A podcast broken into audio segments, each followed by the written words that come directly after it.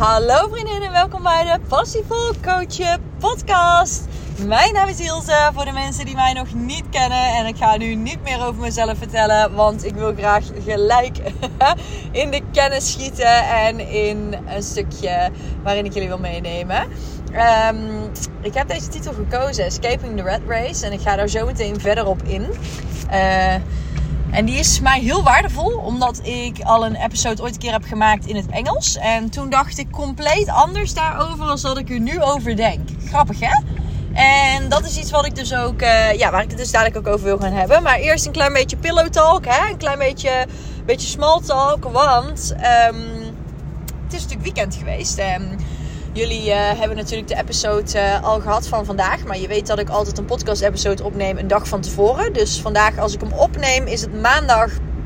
En ja, super excited. Want de week is weer gestart. En dit weekend was zo leuk. Echt waar, dit weekend was zo leuk. We hebben een verjaardag gehad van mijn schoonouders. En daar hebben wij dus met toektoekjes gereden hier door het dorp heen.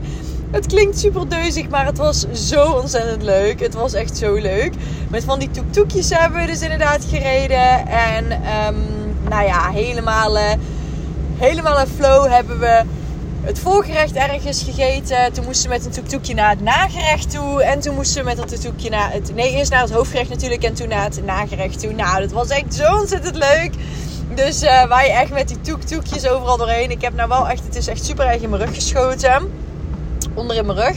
Dus dat is eventjes wat minder. Maar ja, uh, ik bedoel, uh, mag de pret niet drukken. Want we hebben het echt zo leuk gehad. Echt, ik echt extreem genoten. Ik had het echt nog nooit gedaan in mijn leven. In zo'n toektoekje. En ik zelf heb ook niet gereden. Even een gaapje. Oh.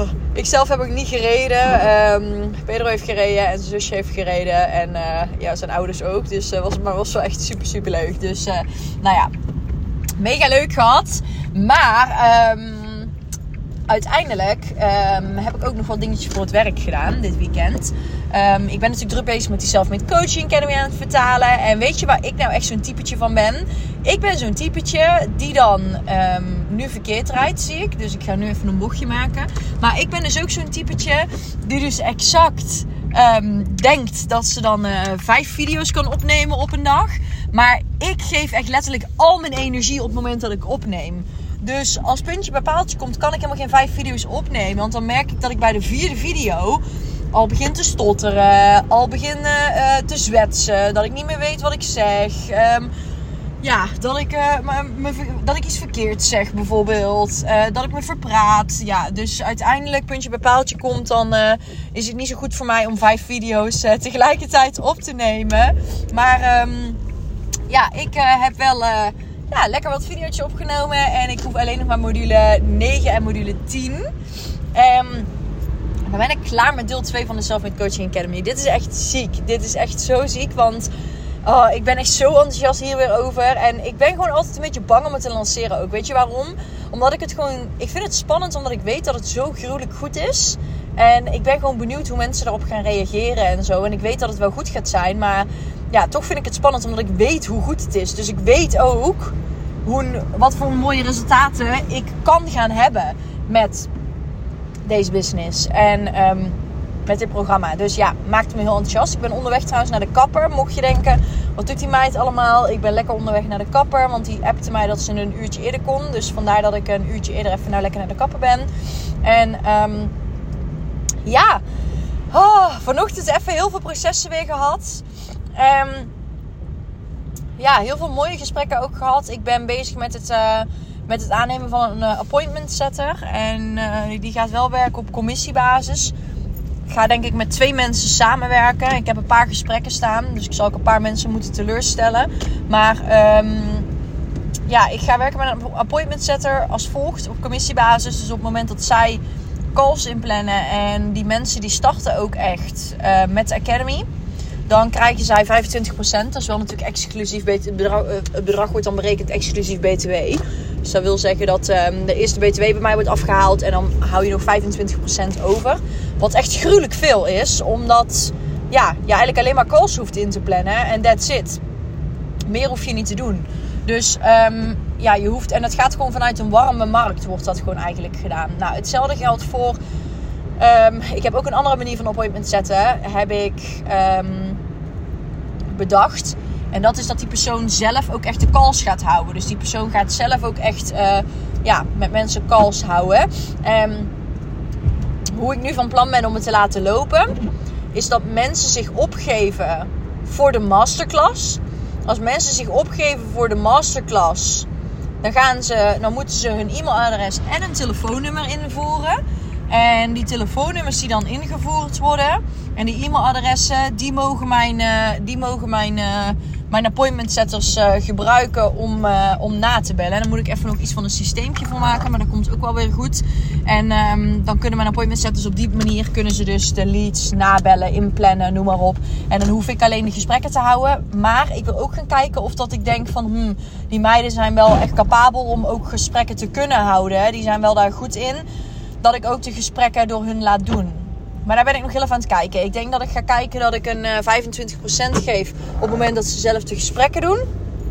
En dat ze dan starten. En dat ik ze een um, ehm, 15% geef op het moment dat ze zelf niet de gesprekken doen, bijvoorbeeld. Um, maar daar ga ik heel eventjes, uh, heel eventjes nog uh, bespreken. Helemaal leuk, heel veel zin in dus om, daar, uh, om daarmee ook aan de slag te gaan. Vanavond de eerste call met die persoon. Dus eventjes nog wat dingetjes, wat puntjes op de i zetten. En dan helemaal leuk. Um, lekker het team uitbreiden. En er komt natuurlijk in september ook weer een stagiaire. Dus dat is ook leuk. Maar nu even to the point. Want ik ben dadelijk alweer bij de kapper. Maar um, ik wil praten met jullie over een stukje wat heel erg naar mijn hart gaat. Omdat ik hier heel erg anders over heb nagedacht. Bij mij was altijd het punt dat ik wilde ontsnappen aan de red race. Ik wilde heel erg graag uh, weg van mijn baan. Want ik vond het zo erg om uh, dat iemand anders zegt wat ik moet doen constant. Dat wilde ik niet meer. Dus ik wilde weg van die baas. En vanuit daar ben ik eigenlijk uh, voor mezelf. Um, ja, vanuit daar ben ik voor mezelf eigenlijk. Um, gaan werken. En natuurlijk mijn business gaan opzetten 4,5 jaar geleden. En was gewoon mijn grootste doel die red race ontsnappen. En sinds toen is eigenlijk mijn perceptie heel erg lang red race, baan, dit en dat geweest. En mijn perceptie van red race is compleet veranderd. En ik, ik weet dat er heel erg veel onrust ontstaat over red race ontsnappen. Mensen die pro-banen zijn en tegen banen.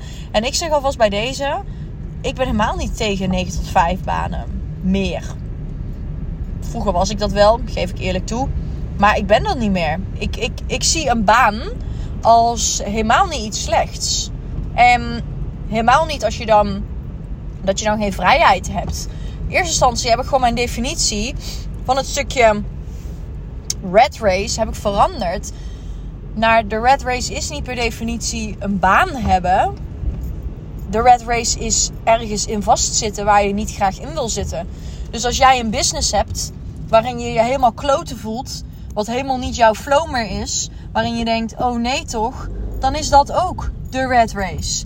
En dat is iets wat ik gewoon me heel erg bewust van ben geworden. Dat een red race dus niet iets is waar je per definitie dus een, uh, een baan aan vast hoeft te plakken. Je kunt ook gewoon zeggen: de red race is iets waar ik niet mijn eigen fijn bij, waar ik niet mijn eigen fijn bij voel, bijvoorbeeld. De red race is iets waarbij ik waarbij ik gewoon vast zit in mijn leven. En in een bepaald aspect van mijn leven. Of dat nou een bepaalde baan is die jij misschien wel te hard voor aan het werken bent. En te, te gek aan het runnen bent, zeg maar. Waardoor je in een burn-out terecht bent gekomen. Dan is dat de red race waaruit je graag wil ontsnappen. En toen ik die perceptie veranderde, toen merkte ik ook gewoon dat mijn hele perceptie op überhaupt de red race en al die termen allemaal ook veranderde. Ik merkte gewoon heel erg dat ik zelf een persoon ben die bijvoorbeeld. Dat ik zelf een persoon ben die bijvoorbeeld de red race ziet als het hebben van een baan. Omdat ik niet graag voor iemand werk die mij uitbetaalt. En omdat ik, nou ja, niet zozeer die mij uitbetaalt. Ik vind dat nog niet het ergste. Ik vind het gewoon heel erg dat ik niet mijn eigen, dat, dat mensen iets over mij bepalen. Als ik bijvoorbeeld net als nu naar zo'n appointment setter, als ik dat zou zijn, dan zou ik ook prima, zou ik ook meer dan genoegen meenemen, snap je? Dus ja, dat is het eigenlijk een beetje. En ik voel gewoon heel erg dat daar een verschil zit in, in perceptie. Het is echt hoe je er naar kijkt. Hoe je er naar kijkt, dat creëer je voor jezelf ook. Dus ik vind dat de red race, hoe wij dat benoemen. Ik zeg niet dat niemand dat zo mag denken. Iedereen heeft zijn eigen definitie van red race. Maar mijn definitie is gewoon gruwelijk erg hierin veranderd. En ik vind dat zo ontzettend krachtig om daar anders naartoe te kijken nu. En ook te kunnen admitten dat ik altijd dacht dat de red race iets anders zou zijn. Dat ik altijd dacht dat de red race inderdaad eigenlijk iets was Waarbij ik dus, um, waarbij ik dus vast zat in een 9 tot 5 baan. En daarnaast heb ik dus gewoon eigenlijk een soort van eigen definitie gesteld. Wat voor mij red race is. En het is belangrijk voor jezelf om dat ook te doen. Want heel veel mensen denken: ja, maar ik heb nu een baan, maar ik wil helemaal geen baan. Oké, maar wil je echt geen baan? Of wil je gewoon meer vrijheid en is het ook oké om bijvoorbeeld 20 uur per week te werken en de andere 20 uur per week een bedrijf te hebben? Want zo erg is dat namelijk niet als je 20 uur per week gewoon werkt en 20 uur per week misschien een bedrijf hebt. Misschien zeg je: Ik wil gewoon één dag per week werken, want ik vind het leuk om aanspraak te hebben. En dan met mensen op die manier samen te werken. En ik wil dan daarnaast. Ehm, daarnaast wil ik dan een, uh, wil ik dan een business uh, hebben die ik opzet. Kijk, de, de, de society heeft ooit in het leven geroepen: je moet een baan hebben, je moet dit hebben, je moet dat hebben. Nu lijkt het wel tegenwoordig of dat society in het leven aan het roepen is: je moet een business hebben, want anders ben je niet meer goed genoeg. Je moet, een, uh, je moet iets voor jezelf beginnen, want anders dan zit je in een red race en dan leef je een verkeerde leven. Eerlijk, wij zijn die definitie nu weer aan het vaststellen als een of andere definitie die dadelijk de mensen, Generation Z heeft dat nu al die gaan er volop tegen in. Die zeggen van, joh, maar het hebben van een business is helemaal niet chill. Je hebt helemaal niet veel vrijheid. Als je gaat kijken naar wat je allemaal wel niet moet doen, dan ben je meer bezig met je business als dat je vrije tijd hebt en dat je leuke dingen aan het doen bent. Ja, daar valt ook wat voor te zeggen.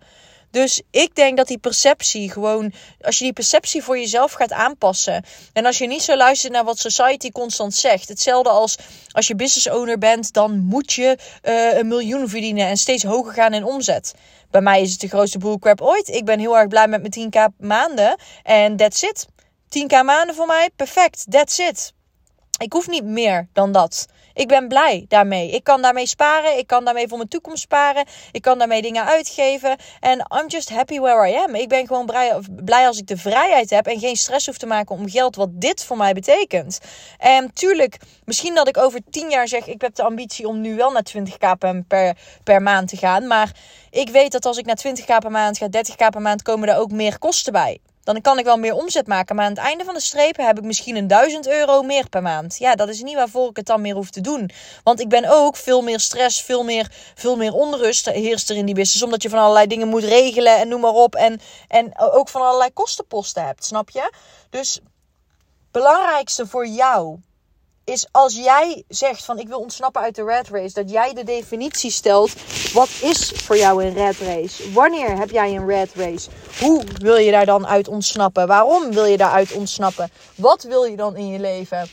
Bij mij is het gewoon belangrijk zodat ik bijvoorbeeld vrijheid wil in mijn leven. Vrijheid op het gebied van financiën heb ik berekend voor mezelf hoeveel dat is. Vrijheid op het gebied van, van tijd heb ik ook berekend voor mezelf. Ik wil uiteindelijk 20 uur per week maximaal werken. En als ik zo, ik zou dat nu al kunnen doen, maar nu zet ik me liever af en toe nog extra in zodat ik dan, als ik later kindjes heb over enkele jaren, dat ik gewoon echt maar max 20 uur per week kan werken.